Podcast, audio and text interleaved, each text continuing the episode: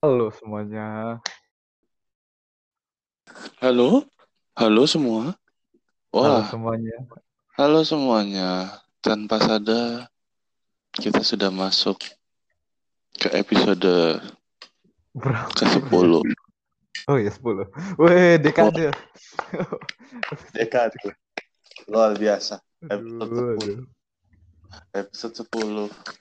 Ya, Tanpa aku sadari, kita sampai ke episode 10. Saya kira kita pas sampai episode 5 atau begitu udah mulai males gitu ya. Ternyata ternyata tidak gitu. Aduh. Eh butuh berapa lama ya kita dapat episode 10 ya? Hampir nggak sih anu 6 bulanan? Wah, luar biasa. 6 bulan 10 episode. Sangat produktif sekali. 6 bulan luar biasa. Luar biasa. Kalau nggak salah September Halo. itu kita baru rekaman episode 4 atau 5 gitu ya kalau September ya.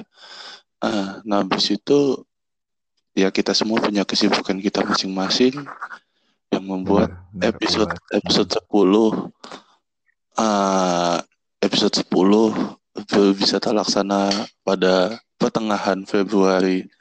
Oh nggak apa-apa lah, maklum. Kita semua ini mahasiswa akhir zaman. Betul, betul, betul. Akhir dari pendidikan kita tuh semakin dekat. Masa masa kuliah kita tuh semakin dekat dan mulai menghitung bulan gitu. Jadi semakin banyak yang harus dipersiapkan. Kayak gua kan baru selesai itu tuh sidang magang. Pas terus laporan udah selesai rasanya seneng gitu ya. Abis itu diingetin, ah jangan lupa hari ini ada bimbingan teknis terkait TA. Astaga masih ada TA ya ternyata. Waduh. Iya, iya. Betul juga ya. Kita masih jauh banget ya dari anu kata lulus ya. Tapi BTW selamat bis ya. Eh, Ya, Teman-teman selamatin Bisma ya eh, anu dengan cara mendengar podcast ini. Itu sudah oh selamat ya ya. buat Bisma. Ya, kita butuh traffic. Kita butuh traffic yang besar. Bagaimana kita membuat podcast ini menjadi uh, sumber alternatif untuk keuangan kita yang makin menipis. Aduh, aduh. Oke. Tapi podcast ini, ini perdana loh kayak gua kan gini, gua ini biasanya kalau podcast selalu mencari suasana yang hening gitu loh kayak gua menyendiri di kamar supaya bisa fokus tidak ada noise. Untuk pertama kalinya ini gua mencoba untuk podcast di luar kamar biar bisa sambil ngobrol-ngobrol santuy sambil ada menikmati suasana kayak ada orang makan, ada anjing menggonggong, ada sinar matahari. Estetik biar biar estetik estetik gitulah. Kayak anak indie gitu ya. Eh, eh, ini bukan berarti anu ya nge Semua- anak indie ya. Don't be Semua aja estetik anjing. Semua aja estetik. Estetik astaga.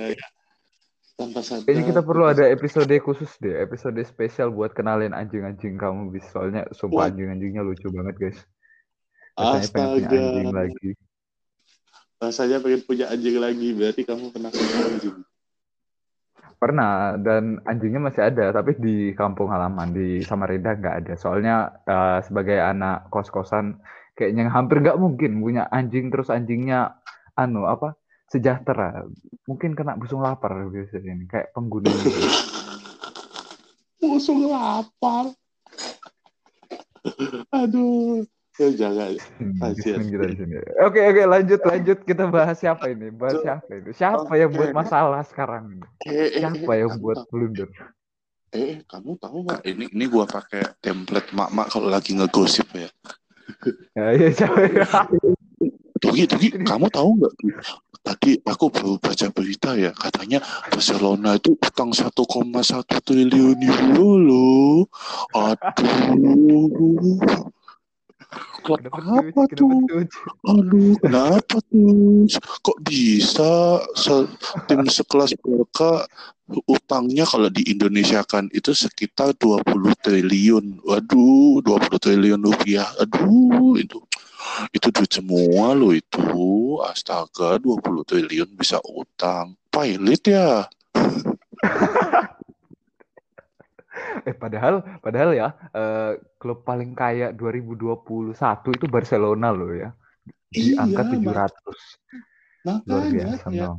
pendapatan klub dengan klub terkaya dan juga pendapatan yang paling tinggi untuk tahun ini ya tetap Barcelona gitu loh maksudnya tapi ya nah makanya itu kita di sini juga mau menelaah kan kita akan memprediksi apakah Barcelona akan turun ke kasta terendah dari Liga Spanyol karena tidak bisa bayar hutang atau bakal ada keajaiban yang terjadi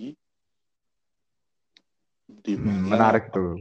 Menarik mana Apakah apakah mungkin terjadi ya nanti eh, apa narasi-narasi berupa kayak wah Barcelona ini too big to fail. Seharusnya pemerintah kasih subsidi nih atau eh, yang apa yang banknya mungkin bisa kasih keringanan lah pembayarannya atau mungkin nanti bisa dikurangin. Karena Barcelona ini udah eh, apa ya udah jadi satu lah sama ekonominya Katalan ya. Gitu-gitu kan ya iya. bisa jadi keluar itu. iya. Kalau itu ah. terjadi bisa jadi sih. Tapi itu kita bahas terakhir aja kali ya. iya. Iya terakhiran aja. Nah kalau menurut gue tuh gini gue harus jujur Barcelona itu fuck up. Kondisinya itu sangat fuck up ya. Ah, makanya bagi gue Barcelona ini mulai gue kelihatan wah ini klub fuck up ini klub kacau. Itu saat mereka kalah 2-8 dari dari Bayern Munchen. Munchen udah nggak bisa. Bayangin itu itu kalau nggak salah leg leg pertama kosong kos. Itu dua leg atau enggak sih? Atau cuma satu leg ya ceritanya ya? Oh Satu iya leg, satu satu leg leg. Karena kan COVID ya. covid ya covid. Gue lupa. Cuma satu Iya, leg iya. doang. Oh, pertandingan jadi makin seru gue masih ingat itu. Gue nonton sama bapak gue soalnya waktu itu gue nonton iya ya, aku masih ingat itu kejadiannya ya. Aku nonton sama temanku juga itu di kamar, asli kaget semuanya.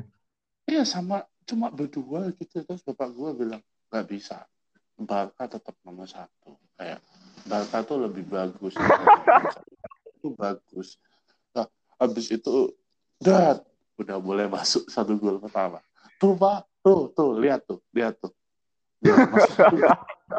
Masih satu gol biasa kan kalau orang lagi kalau kayak gitu kan latih gitu santai masih satu gol Santai, santai. Masih bisa, masih bisa comeback, comeback.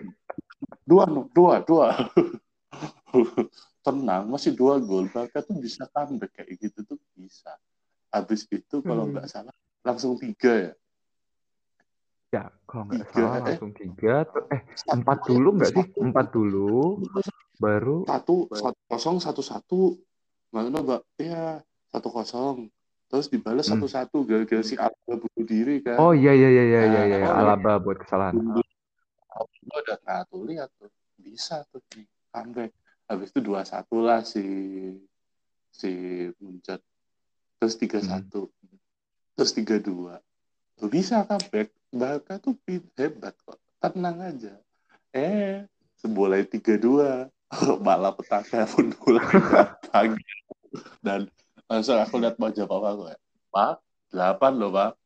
Ya, gitu itu eh. Gitu gitu itu udah Kasihan bapak. Itu nggak bisa.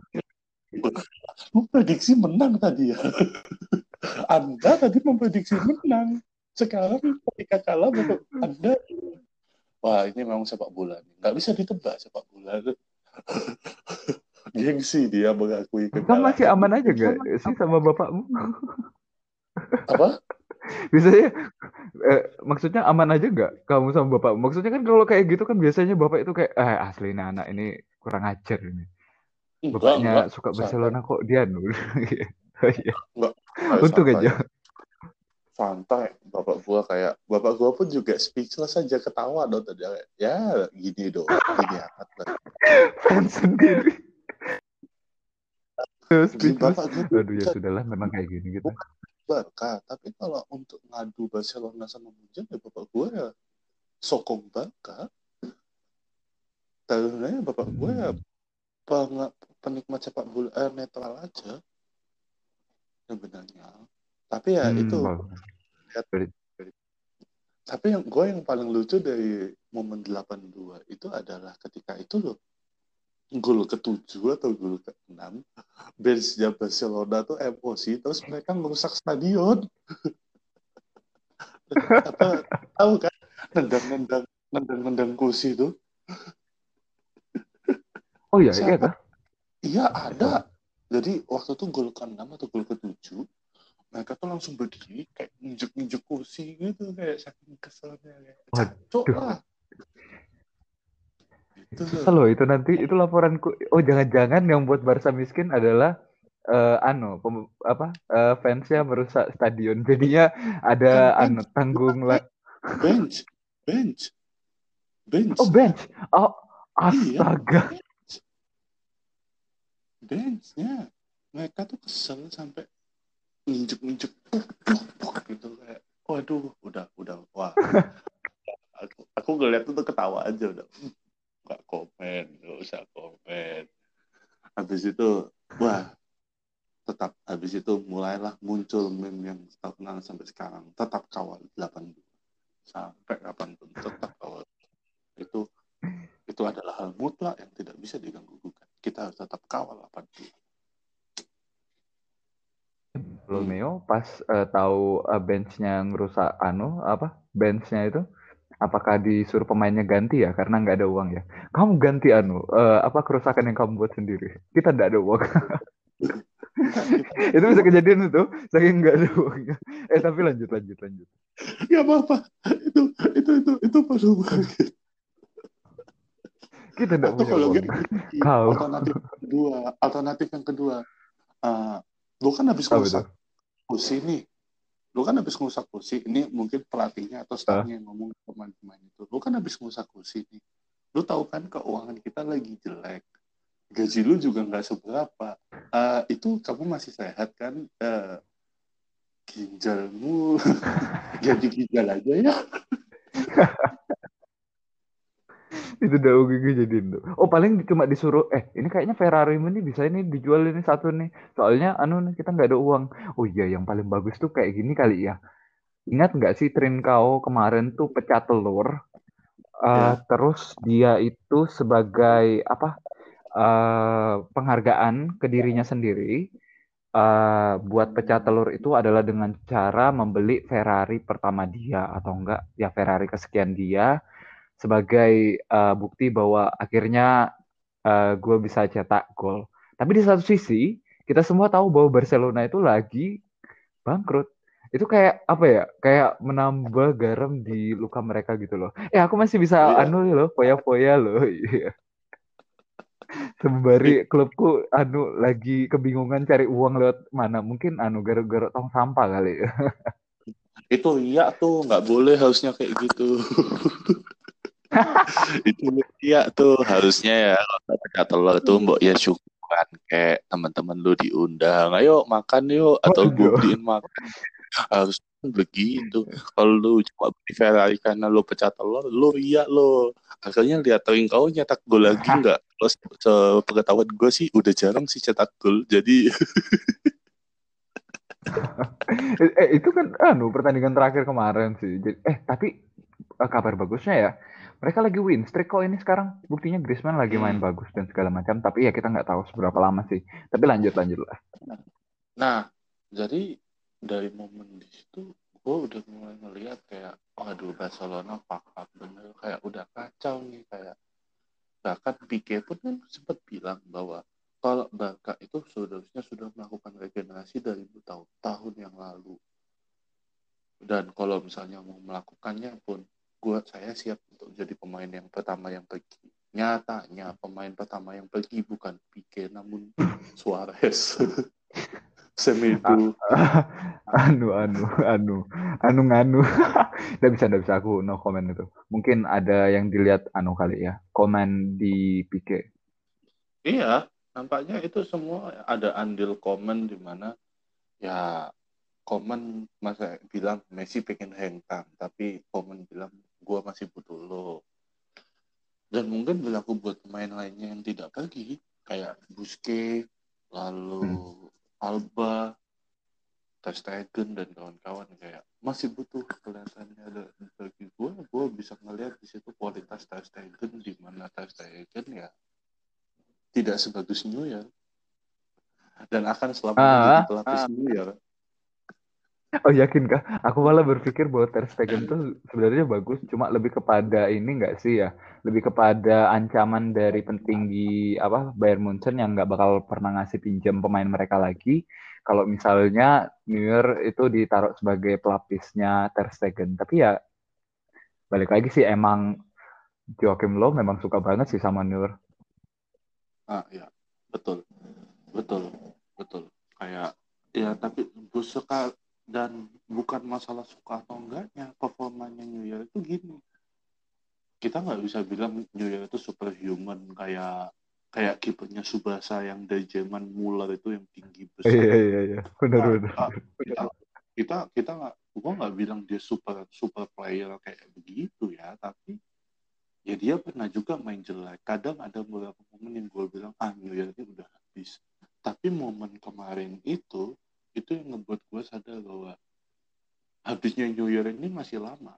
Memang tahun ini 35 tahun tapi menurut gue usia 35 tahun buat kiper itu kayak ya kayak lu masih agak lama lah. Masih ada lima tahun atau empat tahun lagi lah dengan performa lu Hmm. yang seperti itu ya. Dengan performa lu yang seperti itu. Enggak belum ma- abisnya masih lama itu. Masih lama abisnya tenang tenang aja kayak banyak orang bilang wah New Year ini akhirnya udah dekat. Ya enggak. Dia masih punya empat atau lima tahun lagi. Kalau dia nggak kuat mungkin tiga tahun.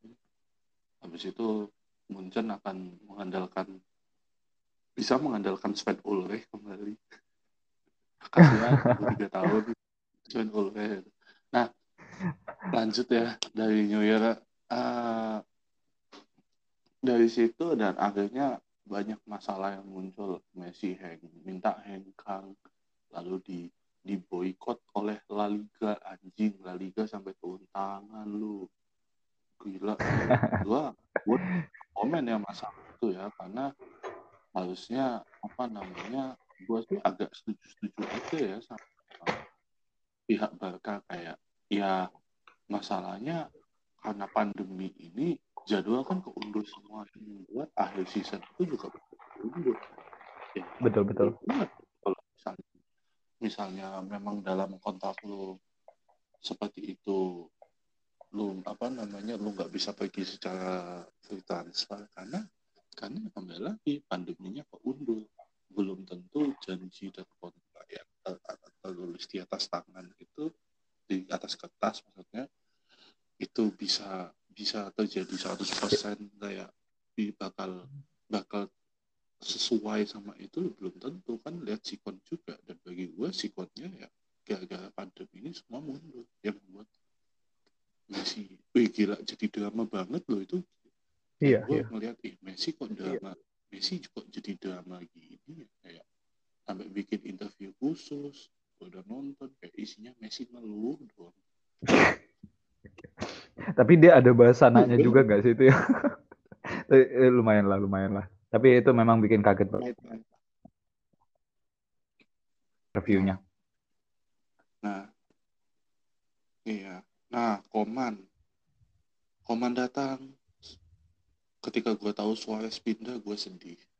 Gak tahu kenapa. Kayak gue sedih. Rakitic pindah, gue agak lega. Semedo pindah, gue agak lega. Pemain-pemain yang lain tuh pindah agak lega. Kayak karena memang performa mereka nggak sebagus itu gitu loh. Gi. Kayak ketika Iya benar-benar benar. otak-atik sama Alfonso Davies gue udah tahu oh ini kena mental nih kena kocak kena mental nih jatuh bangun sampai kayak gitu oh kena mental udah Hmm. keluar aja. Nggak nggak nggak nggak, nggak sebagus itu sih itu dan akhirnya ya kan dijual. Nah ketika Suarez didatangkan secara gratis ke Atletico itu gue langsung mikir gini Barca salah ngejual pemain. Memang regenerasi itu perlu tapi Barca salah ngejual pemain. Dan akhirnya terbukti sekarang kan ya gila. Tapi aku eh, punya anu sih, eh, punya data yang menarik mungkin kali ya ter- soal apa yang barusan kamu bilang bis. Soalnya kayak gini.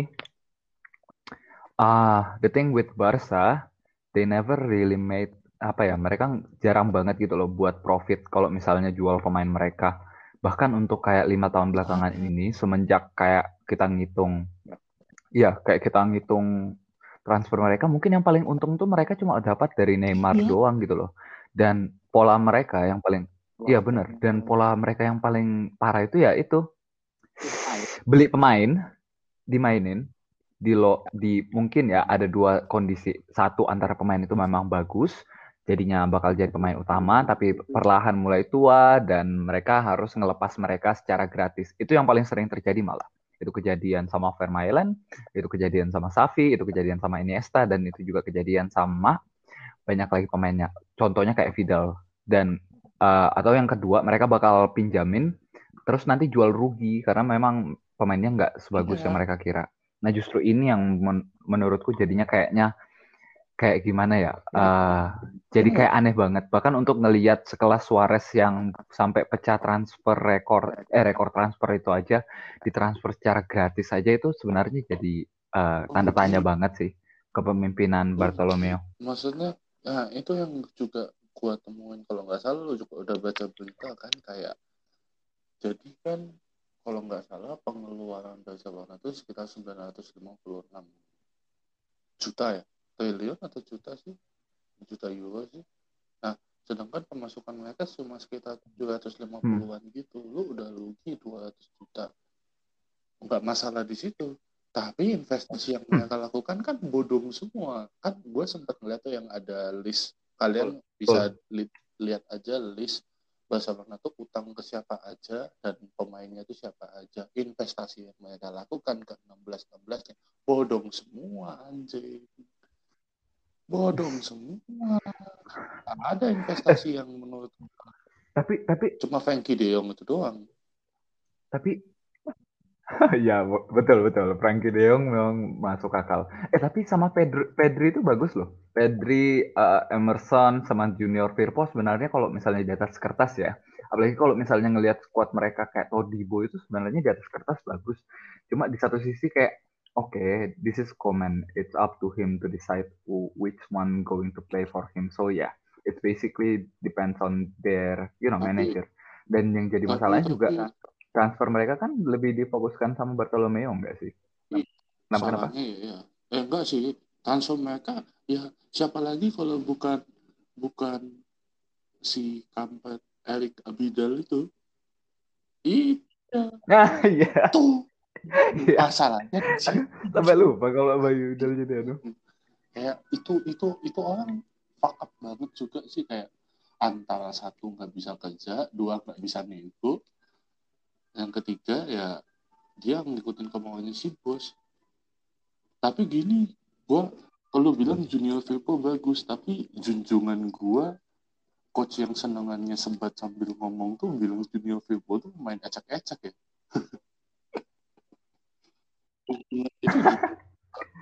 Kalau standarnya kayak Barcelona sih iya sih mungkin ya. Iya kayak ya soalnya saya ya nggak apa-apa ya. Jadi saya teman-teman saya itu punya junjungan seorang coach ya kalau kalau kalau ngomong kalau ngomongin soal sepak bola itu sambil ngerokok gitu. Lu udah tahu siapa lah orang.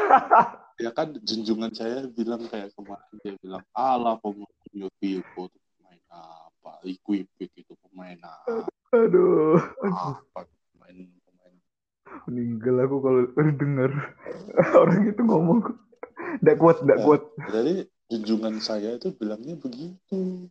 Tapi tapi udah tahu bilang itu, itu pemain bagus.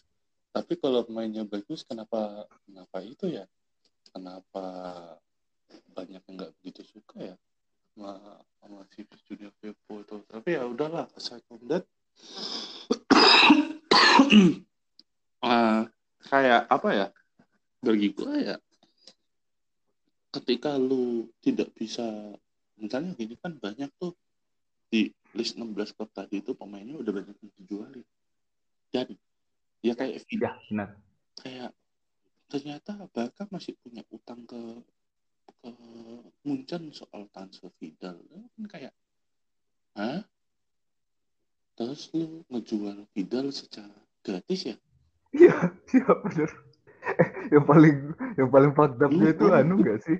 lu goblok Gimana gimana? lu goblok itu goblok kalau kalau lu tahu lu masih punya utang kebayan kenapa lu co- cuma lu coba jual dia yang jual dia supaya lu dapat profit seenggaknya buat nyicil utang lu itu tadi Iya benar benar benar. Tapi masalahnya itu lagi sih bis. nggak tahu ya Masalahnya ya itu.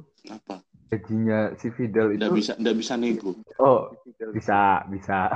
Sebenarnya kayak anu ya eh, mau bandingin apa Abidal sama Siki Begiristain itu jauh sih memang. Emang jauh banget sih kemampuannya kalau nego. iyalah.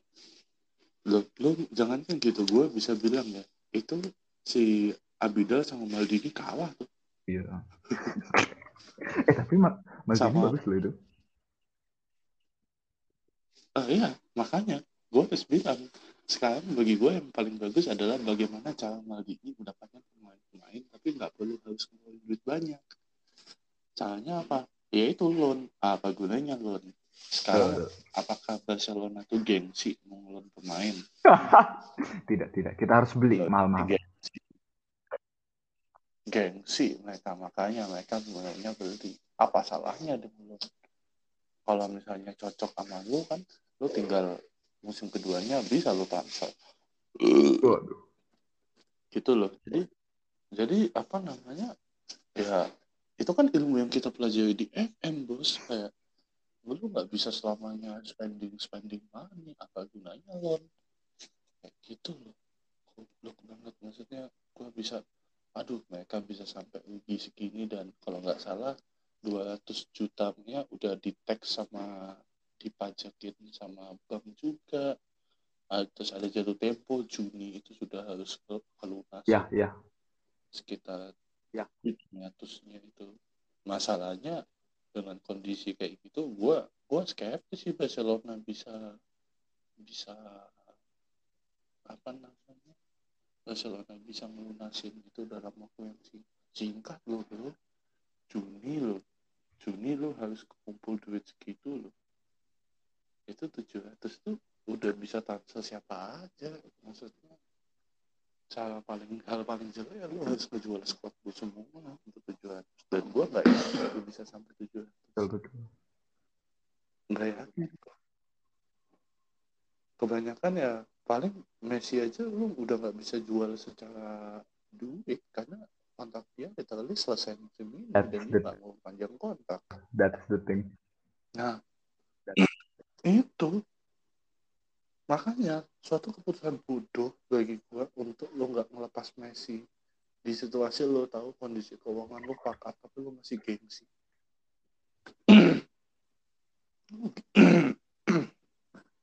lo gengsi jelas itu gua bisa ngeliat kayak ini apa yang mau lo gengsiin klub lo tuh udah kacau dari momen lo bisa kalah 8-2 tuh itu udah kacau banter-banter Barcelona tuh kalah berapa sih?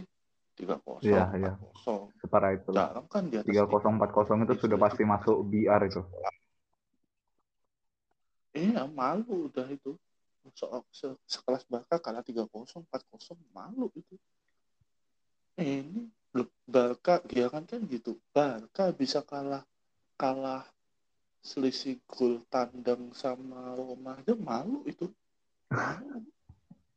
Apalagi sama Liverpool.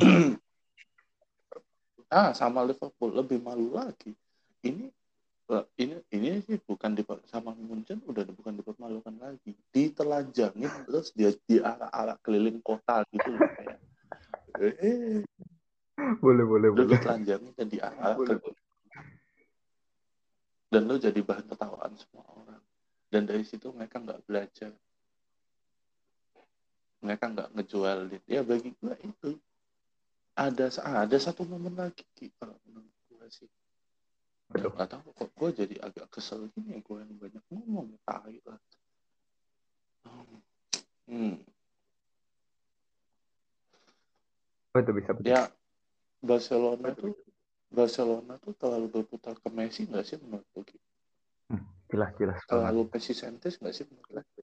Eh, dari laporan El Mundo yang keluar minggu lalu aja itu sudah kayak nunjukin banget bahwa Ya. mereka tuh main apa ya investasi yang apa ya investasi yang riskan banget karena sebenarnya ya bahkan asumsi COVID pun nggak ada mereka itu cuma untung sekitar 2 juta US dollar kalau dikonversikan ke gajinya Messi tahun 2019 itu cuma bisa nyanggupin bayar sekitar 0,01 persen gajinya Messi. That's the thing. Itu pun cuma kayak dari gajinya Messi doang.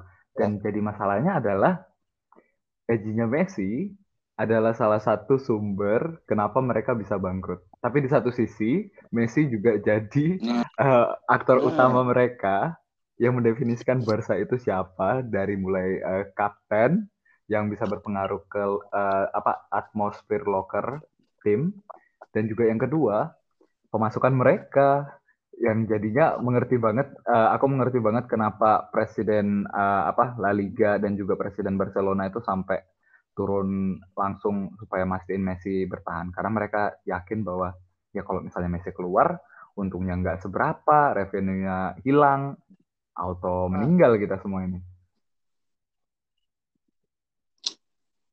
Tapi gue lebih suka statement gini sih. Um, gini.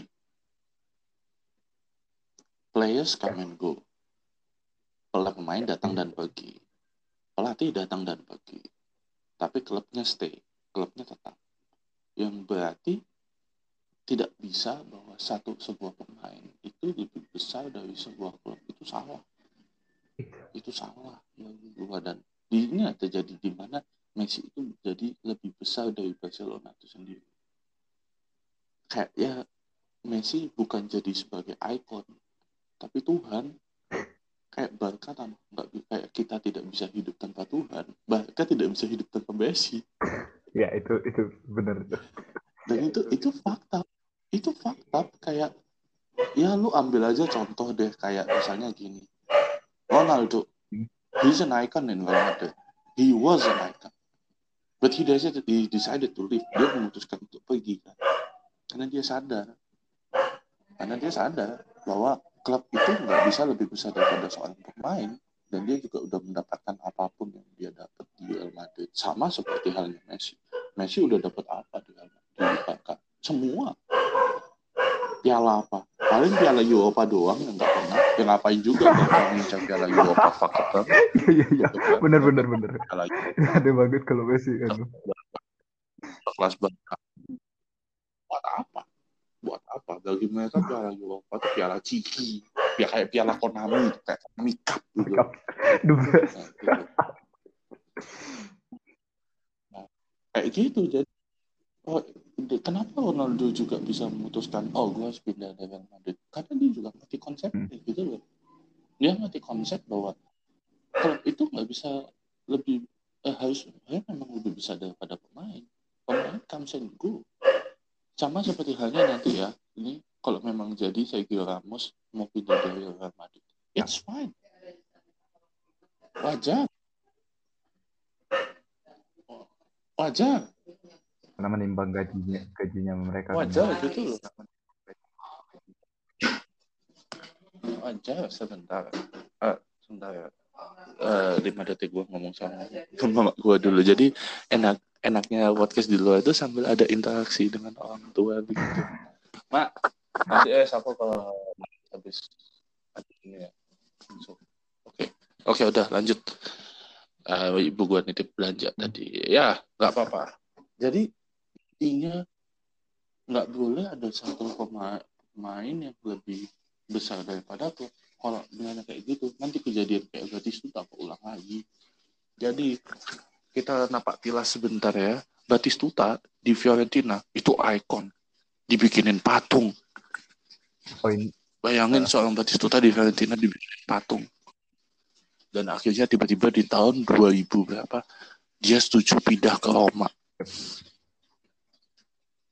langsung jadi dewa di Roma kacau chaos langsung meninggi chaos Fiorentina chaos fansnya kecewa ngamuk-ngamuk itu patung yang udah dibangun langsung dirubuhin Oke, LeBron James ya. langsung dirubuhin Anu dibakar jersey gitu ya. Hah? LeBron James. Hmm. Ya, kayak gitu juga. Jadi, jadi kayak itu yang terjadi ketika seorang pemain lebih besar daripada seorang klub, sebuah klub. Gimana? Dan gue juga yakin fans Barca juga nggak bisa mengalahkan Messi. Di- Harusnya kalau lo fans yang dewasa, lo ngerti konsepnya dong bahwa klub ya lebih besar daripada pemain. Percaya aja akan ada mungkin untuk waktu 2-3 tahun ke depan tidak akan ada yang menggantikan sosok Messi. Ya Messi itu ikon, idola, legenda. Tapi masa lu mau mengandalkan Messi terus di karirnya yang mungkin sisa 3 atau 4 tahun lagi kalau masih kuat. Gitu loh.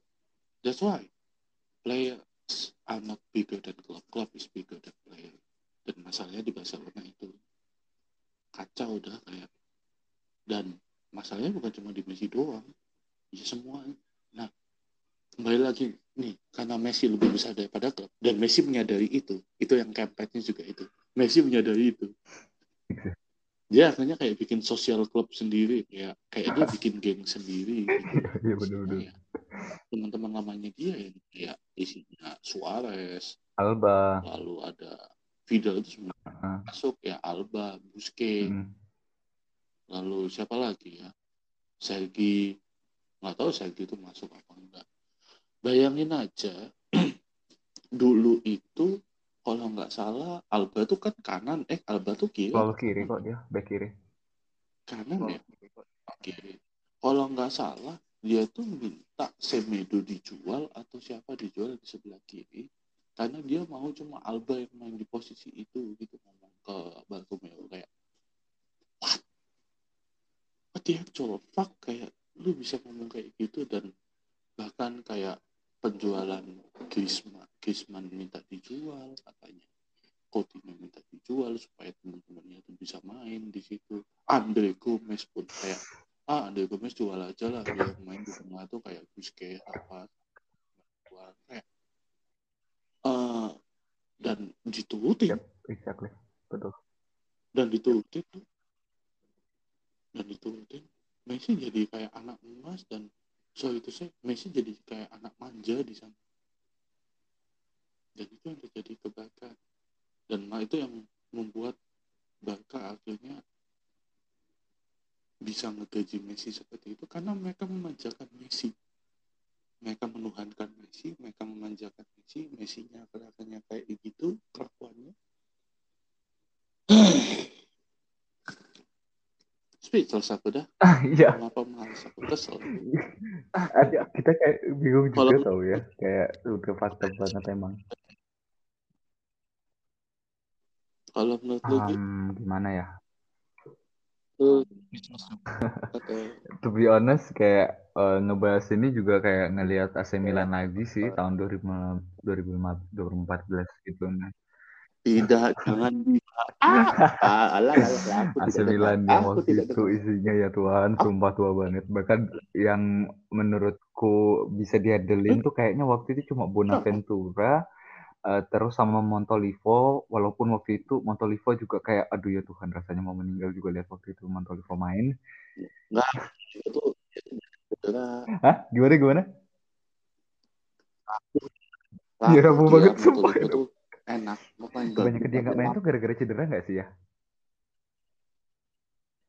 iya Banget ya. dia Eh ya kayak gitulah. iya gua jadi inget ya lu kok inget itu kan aja gua flashback rasanya nangis gua kalau lihat. Ya Tuhan jangan sampai Iya. MU kayak gitu.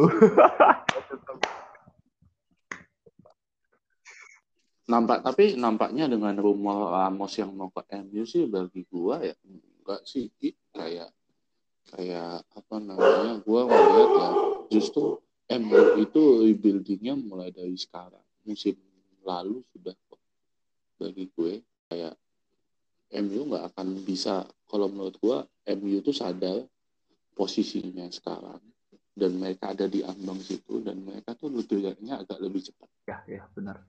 Tapi malah aku ngerasa Lo anu, setuju nggak? Lu kalau gue gitu.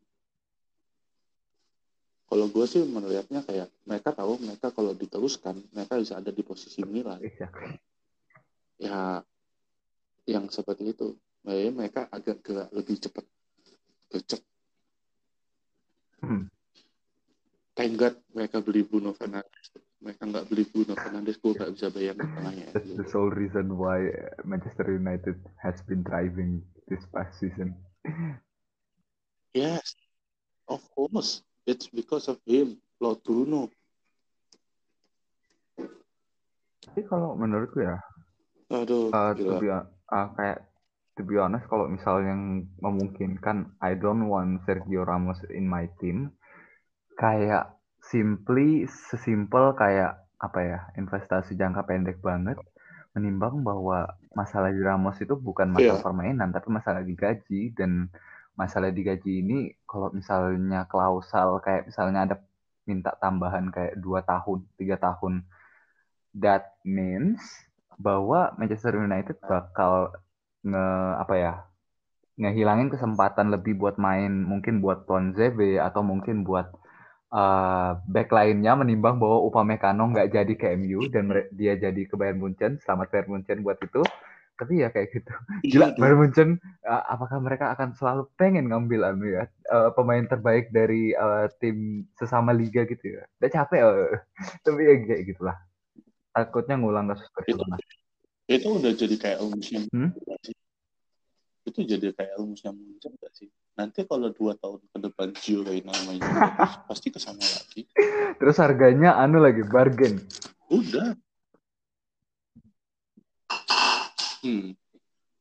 So, I guess that happened to Barca as well Makanya. juga kali ya itu kejadian ke Barca juga banyak kali sih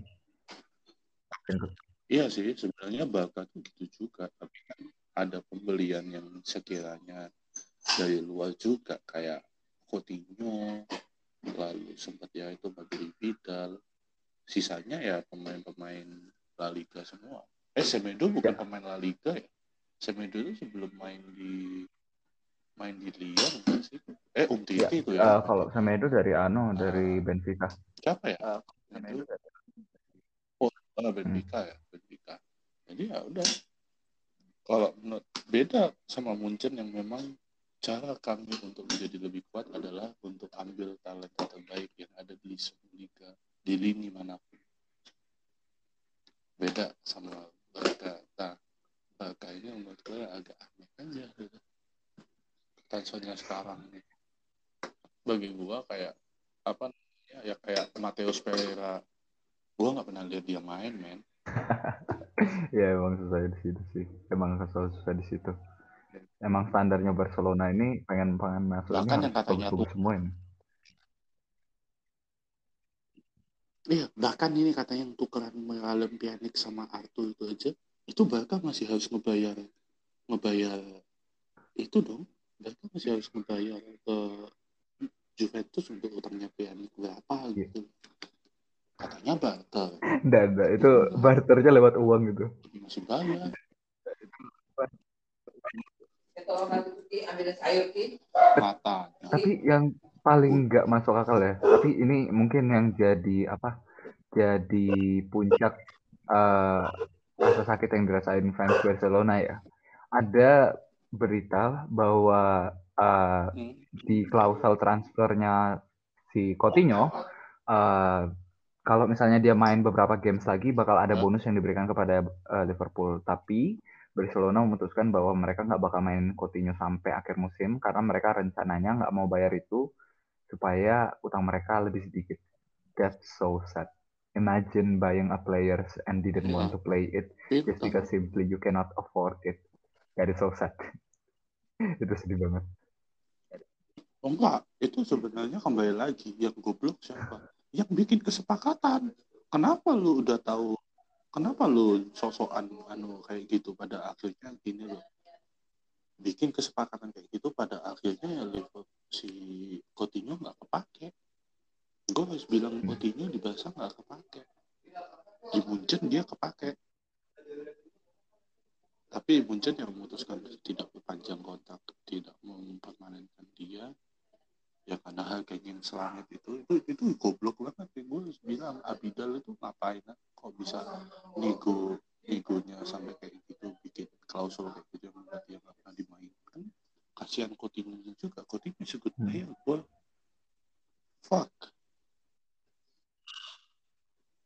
Speechless gue. Sekarang nggak bisa komen lagi kayak nggak bisa gue kayak anjing apa udah speechless gue like we rather sad rather than being anu ya kayak apa uh, marah gitu ya sama Barcelona. Sedih banget. Ini bentar lagi Barcelona kayaknya nggak ada di anu uh, UCL gitu. Speechless tahan nanti mereka. Ya. Nah ini nah kembali. Nah sekarang aside from that lah kita udah ngomongin tentang Barca utangnya apa yang membuat kira-kira dan faktor Messi juga yang membuat mereka dari posisi ini sanggup bayar utang atau enggak menurut lo? Uh. Oh, ini jahat nih. Ini Oke oke oke. Aku duluan ya. Uh, disclaimer, uh, I didn't, uh, aku nggak terlalu tahu banyak soal ekonomi, so uh, jadi uh, ambil opini ini with a pinch of salt lah, raguin aja nggak masalah. Jadi jangan terlalu diambil ke dalam hati atau pikiran kalian.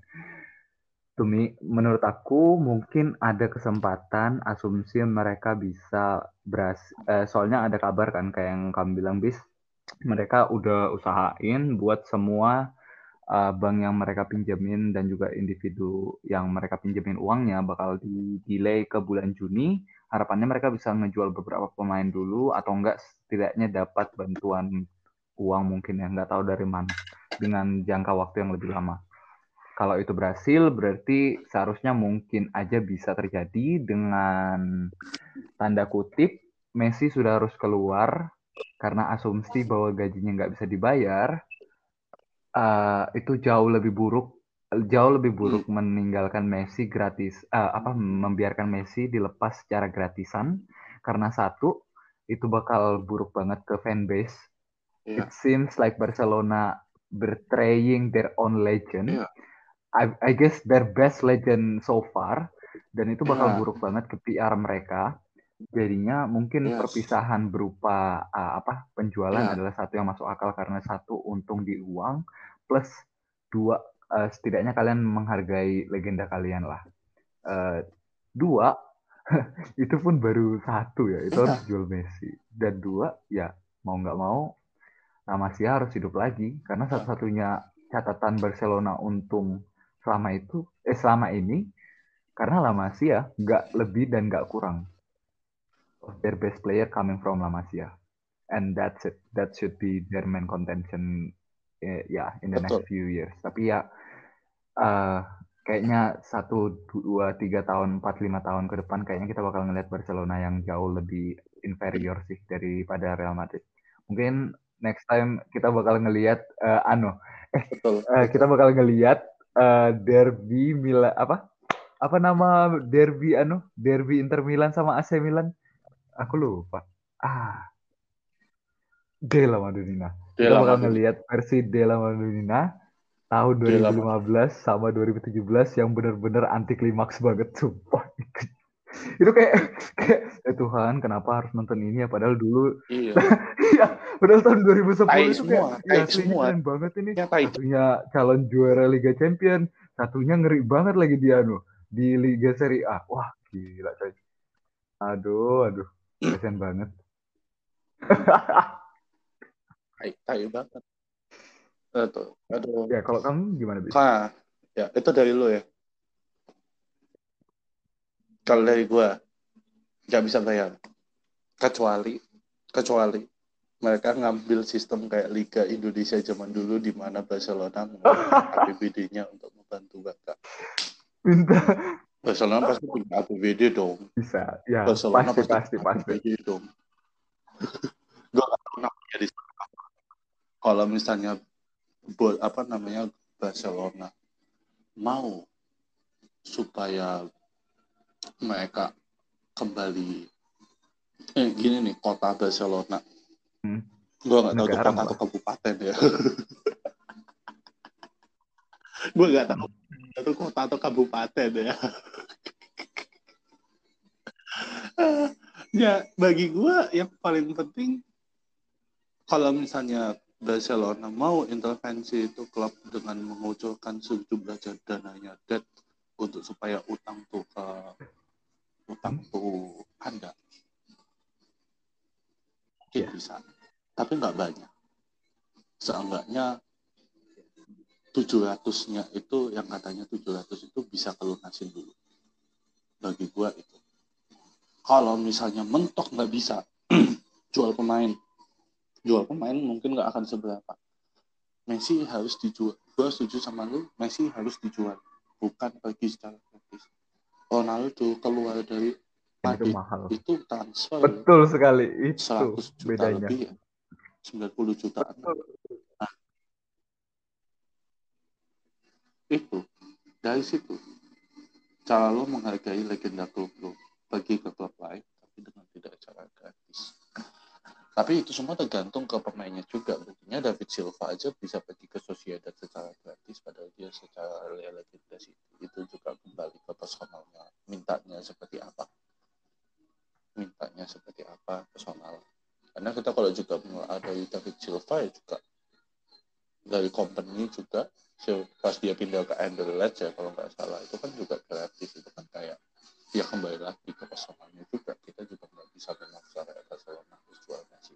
Kalau Messi juga minta mintanya dia pergi secara gratis Hmm. what can we do gitu loh.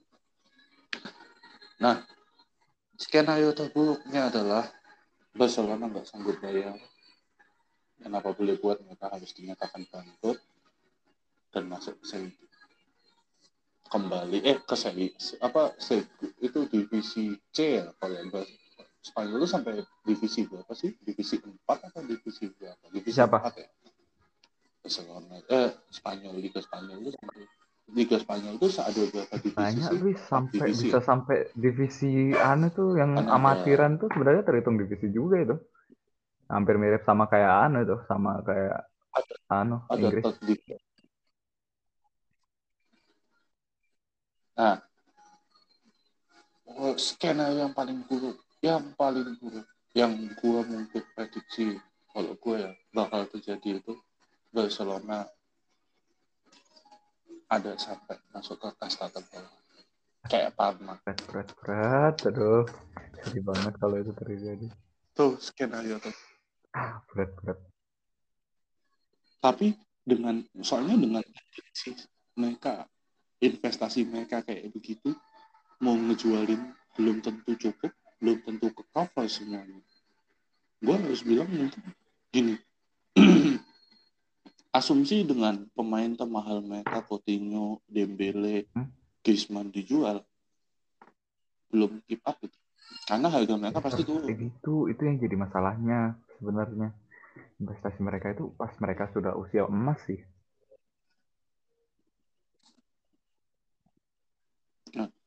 tapi lihat performa mereka gue harus bilang performa Griezmann di Barca nggak sebagus itu loh Dembele yang katanya wonderkid juga tidak sebagus itu. Lu mau ngejual Ansu Fati? Sorry itu saya Ansu Fati is great tapi ya harganya ya nggak lebih dari 50 atau 60 juta. Menurut gua. Because ya benernya dia belum ada di level di mana dia dihargai 100 juta kayak Kylian Mbappe. Kylian Mbappe 100 juta, ya face the fact lah gak 200. dia nah kayak gitulah jadi ah Iya. Kylian Mbappe aja 200 Ansu Fati nggak ada di gitu Ansu Fati ya maksimal hmm, 50 masuk akal. 60 lah. Tergantung kalau ada kalau ada klausul. Tergantung kalau ada klausul. Jadi kayak gitu loh. Kayak agak mustahil untuk Barca bisa kembali ke posisi yang semula meskipun mereka ngejual hampir seluruh squad mereka. Salah satu cara ya itu tadi cuma Barcelona kota Barcelona ngeluarin APBD-nya buat ngebantu Barca. Atau ya bye masuk seri D. Eh masuk seri D. Masuk kasta tebal. Sama halnya kayak Palma yang masuk ke seri D kalau nggak salah. Seri D atau seri C. Sebelum akhirnya melangkah kembali ke seri A Iya. kayak gitu Aduh, banget kalau kejadian. agak jelek ya agak jelek ya. Aduh, sedih banget. tapi akhirnya berharap yang terbaik aja lah buat Barca nanti udah skeptis Masih ada football run isinya di belakang. Aduh, kasihan nih Barcelona. Ini- dia mau meninggal loh. ini udah ketawa ketawa ngakak lagi Aduh, ketawa ketawa ketawa sarkas Oke lah.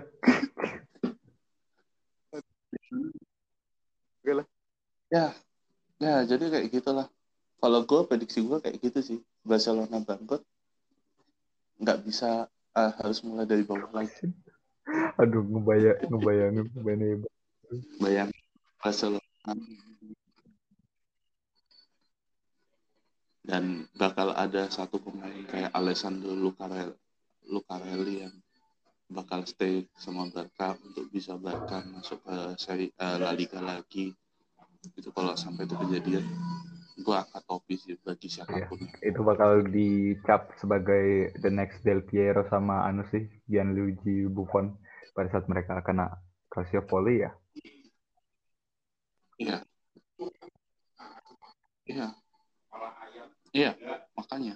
Kayak bagi gue kalau itu sebenarnya ya gimana ya? Agak jahat bagi gue mem memprediksi hal itu terjadi. Tapi kayak apa jalan terbaik yang bisa mereka lakukan? Nggak ada nggak ada. Nah ya udah. Ya nampaknya situasi yang tidak enak kita harus menutup episode kita. Tidak apa-apa, tidak apa-apa. ya jadi cukup itu aja. Hmm. kesimpulan berarti udah kita bagi ya gitu. Tapi yang pasti bisa dilihat di sini teman-teman Toki masih mengambil jalan yang positif. Maksudnya ada ada sececah harapan bagi Barca untuk tidak bangkrut dan gue tipe orang yang skeptis yang percaya Barcelona bangkrut dan harus nggak apa-apa. Namanya aja football Ren. Ini ini abal-abal kok nggak perlu dimasukin ke dalam hati nggak perlu dimasukin ke dalam Aduh, oke lah. nggak apa-apa. Ya. Dengan itu tadi episode 10 udah resmi selesai. Wih, akhirnya episode 10 selesai. Kita masuk ke episode 11 12 dan semacamnya. Bakal dengan topik yang lebih seru. Oh ya sembari itu kita juga mau bikin pengumuman bahwa gua sama Topik sudah berdiskusi mengenai kelanjutan podcast ini. Bahasanya udah kayak mau ya kita memutuskan bahwa gini aja nggak cukup. Sangat nggak cukup. Maka dari itu mulai dari episode 10 kita akan bikin satu rubrik khusus di satu segmen khusus di mana kita juga nggak bakal ngomongin soal sepak bola tapi kita bakal ngomongin soal banyak hal yang lain terjadi di luar sana. Mau itu olahraga yang lain, mau itu kehidupan kita, mau itu fenomena sosial atau apa pun itu kita bakal bikin waktu uh, jangka nanti waktunya seminggu se, uh, sebulan sekali lah. Untuk namanya kita masih kita rahasiakan ya tidak masih kita rahasiakan karena kita belum bukan namanya That's apa aduh, aduh, semoga ketemu nanti namanya ya.